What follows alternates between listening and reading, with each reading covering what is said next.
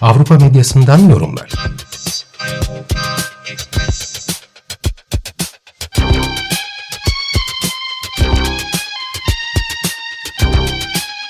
Hazırlayan ve sunan Tuğba Tekerek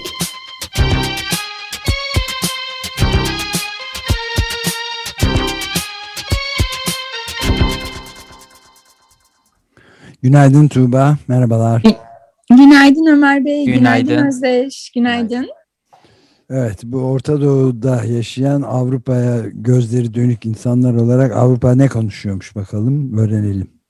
Ee, peki, e, Eurotopics bültenlerinden e, seçtiğim e, konular, yorumlar, e, Avusturya'da bir kadın cinayeti var, ondan bahsedeceğim.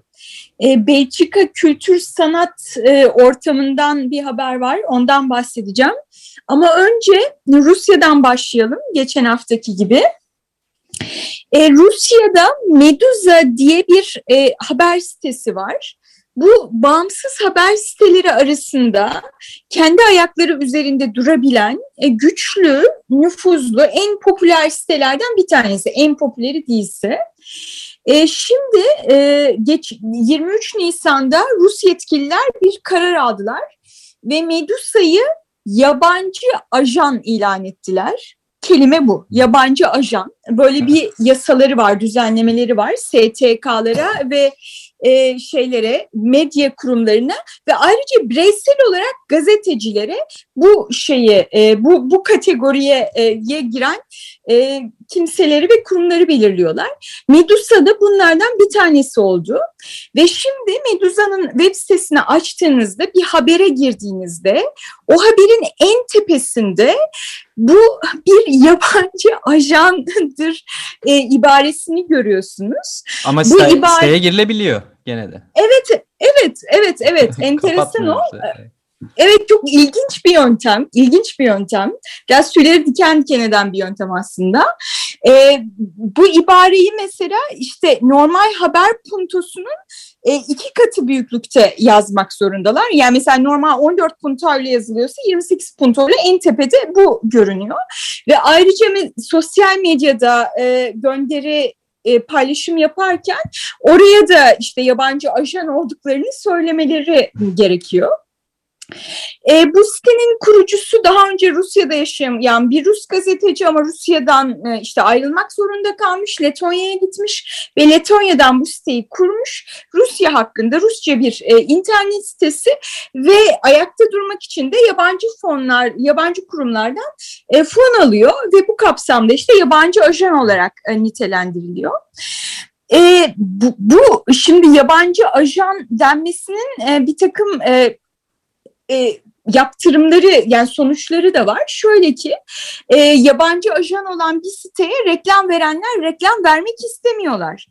E, bir muhabirin burada buraya haber yapması ya da bir yorumcunun burada haber yazması onu yabancı ajanlıkla ilişkilendiriyor ve ona da soruşturma açılması anlamına geliyor. E, sitenin yayın yönetmeni diyor ki bu süreç kesin olarak siteyi yıkacak bir girişimdir e, diyor. Yabancı bir ajan olarak damgalanan hiçbir medya sitesi hakkıyla gazetecilik yapamaz diyor. Yani dolayısıyla doğrudan erişime engellemiyorlar ama bu şekilde yabancı ajan damgası altında galiba süründürerek öldürüyorlar. E, öyle görünüyor. Çok yaratıcıymış ama Putin yönetimi gerçekten. Evet, gerçekten bu e, Stalin'den kalma e, bazı uygulamaların daha yaratıcı bir biçimde devamı gibi de görülebilir hakikaten. Leton casus yani. Evet, evet. Ee, yani büyük medyayı zaten kontrolü altına almış e, durumda Putin. E, işte böyle bazı bağımsız, daha küçük çaplı haber siteleri var. E, bir yorum aktarayım. Ekomoski'den yine muhalif e, bağımsız e, haber sitesinden e, bir, ha- bir yorum. Yakında onların başına da bu gelebilir. E, şöyle demiş Ekomoski yorumcusu.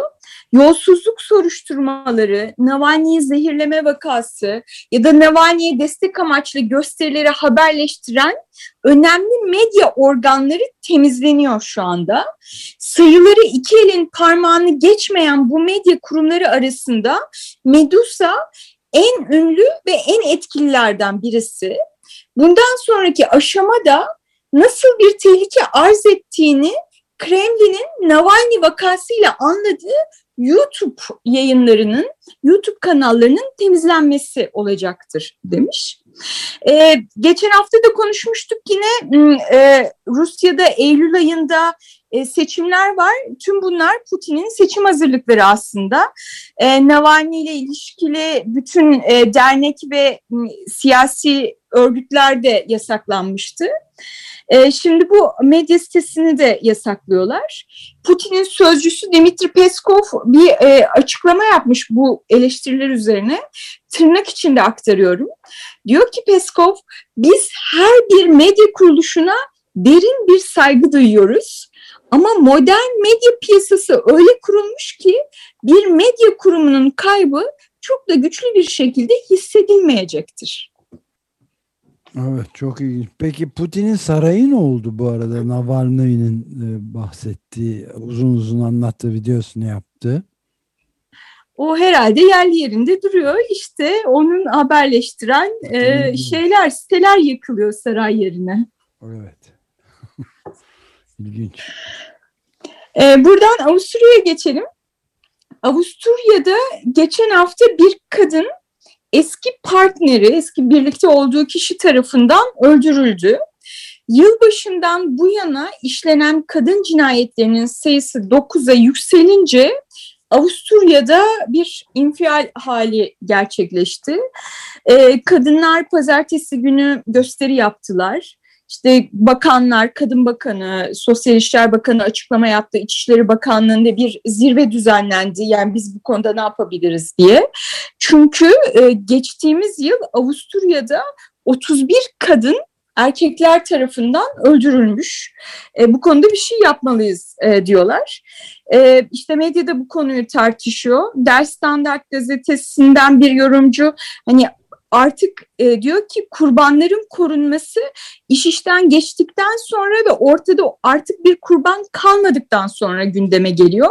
Oysa şiddetin önlenmesi daha küçük yaşlarda ele alınmalı.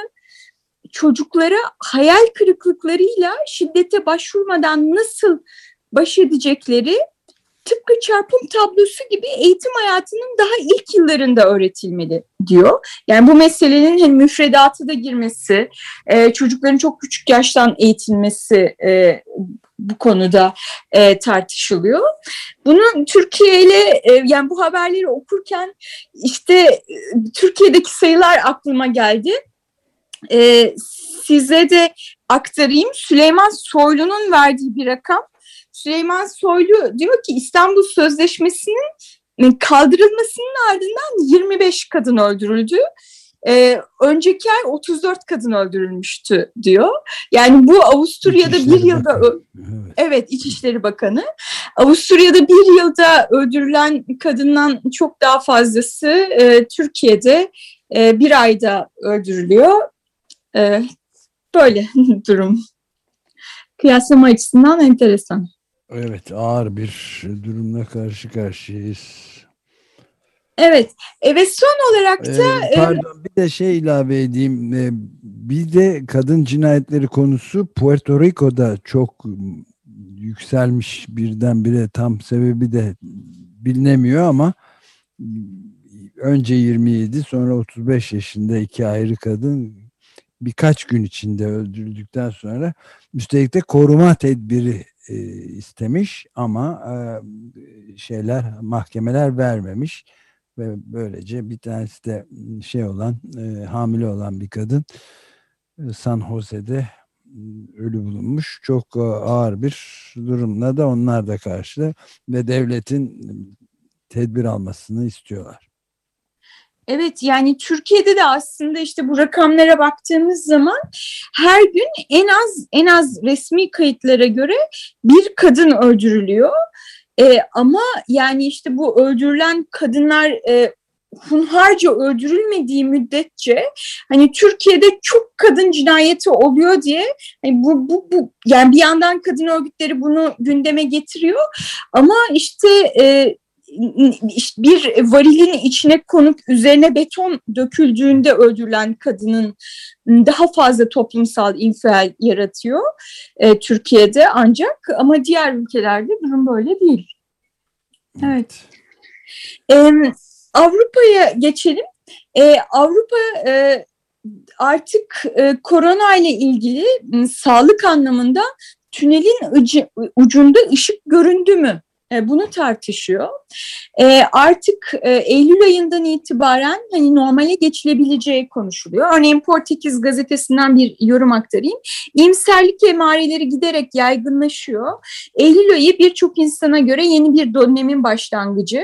Sağlıklı ve yakın zamanda sosyal bir normalleşme dönemi olacak diyor. Ama öte yandan işte bu son iki yıldaki e, bu krizin ekonomik ve toplumsal etkilerinin Eylül ayından itibaren görüleceği ve bu konuda tedbir alınması gerektiği konuşuluyor. Bu arada e, kültür sanat alanına bakalım, e, oraya odaklanalım. Hmm, siz de belirtmiştiniz daha önceki yayınlarınızda. E, Britanya'da ve İspanya'da işte pilot proje olarak sosyal mesafenin olmadığı tıpkı eski günlerdeki gibi tıklım tıkış konserler e, düzenlendi. 5000 kişilik iki konser İspanya'da ve Britanya'da. E, İspanya'dakinin sonuçları çıktı.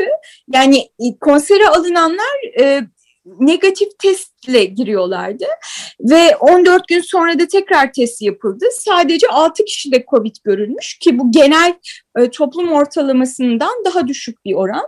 Dolayısıyla e, işte böyle negatif testlerle e, konserlerin yapılabileceği konuşuluyor. İşte bu yazın yine festivaller yazı olabileceği, daha küçük çaplı festivaller olsa da e, festivaller yazı olabileceği söyleniyor.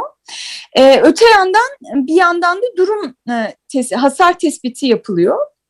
E, denetim ve danışmanlık şirketi Ernst Young'ın bu konuda ilginç bir raporu var.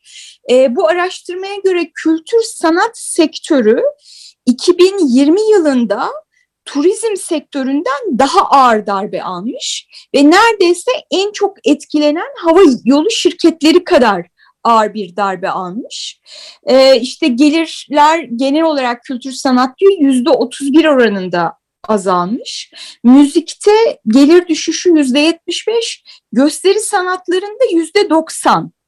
Ee, yani çok ciddi bir e, darbe yemiş durumda. Ama tabii Avrupa'da hükümetler e, bu kurumları destekliyorlar belli ölçülerde. E, ama Belçika'da yine de e, şey şu anda yasak var e, kültür sanat kurumlarına giriş yok. E, herhangi bir faaliyet yapamıyorlar.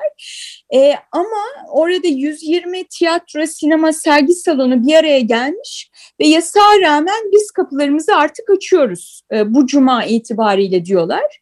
Neden de şu yani mağazalar açık e, ve hani e, bir e, sergi salonunda mağazadan daha fazla bulaş olduğuna dair e, kesin bilimsel bir kanıt yok, bir emare yok. E, dolayısıyla kapalı kalmasının bir anlamı yok diyorlar ve sosyal mesafe kurallarını da gözeterek açacaklarını söylüyorlar. E, buna karşılık e, Belçika Kültür Bakanı ne diyor dersiniz? E, şöyle demiş, kapılarını açan işletmeler desteklerden mahrum bırakılmayacaklar tabii ki. Onların da seslerini duyurmaya hakları var demiş. Yani tamam peki yasak var ama siz açmak istiyorsunuz. Buyurun açın bizim size desteğimiz de devam edecek demiş Kültür Bakanı. E, medya da destekliyor e, bu açılışları. E, oradan bir gazeteden, bir, bir Belçika gazetesinden yorum aktarıyorum. Şöyle diyor, kültür ve sanatın sadece iyi zamanlara özgü bir lüks olduğunu düşünenler yanılıyor. Kültür ve sanat toplumu besler, toplumla ilgili sorular yöneltir, toplumu yeniler, güçlendirir, yaratıcılığımızı özendirir ve kimliğimizi o zeminde inşa ederiz. Bunun adı elitizm değil, uygarlıktır. Siyasetçilerin kültür ve sanatın Eylül, Eylül'den itibaren tam kapasiteyle hayata geçmesi için gerekli önlemleri bir an evvel alması gerek demiş e, Belçika'daki bu yorumcu da. Evet bu mesele daha yani bir yandan Eylül'de işte bütün e, dünya açılabilir mi derken bir yandan da çok ciddi bir e, yükselme, yeni dalgaların özellikle gelişme yolunda diye adlandırılan yoksul ülkelerde büyük bir tahribata yol açarak devam ettiği de aşikar. Dolayısıyla ben kendi payıma şahsen biraz bir erken olduğu düşüncesindeyim böyle Eylül'de falan ortalığın açılıp partiler şunlar bunlarla geçmesi sergiler partiler zor yani. Yani belki işte Avrupa kendi içerisinde yani kendi etrafını bir şey örerek, e, çit örerek e, o yoksul ülkelerden e, gelişleri kısıtlayarak e, normale dönme yolunda adımlar atacakmış gibi görünüyor. E, o zaman bu şeyde Avrupa neyi konuşuyor da uzun süre Avrupa'yı bir kıta olarak izole edebilir miyiz? Bir konu olarak şey yapalım, ele alalım. Tamam peki. Tamam. Bu haftalık bu kadar. Gelecek hafta görüşmek üzere. Tamam görüşmek çok üzere. teşekkür ederiz. Hoşçakalın.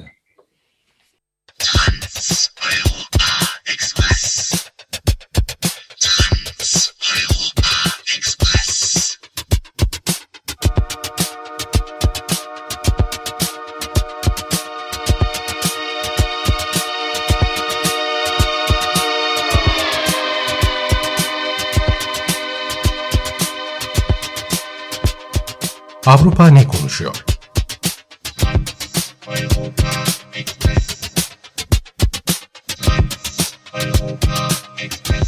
Avrupa medyasından yorumlar.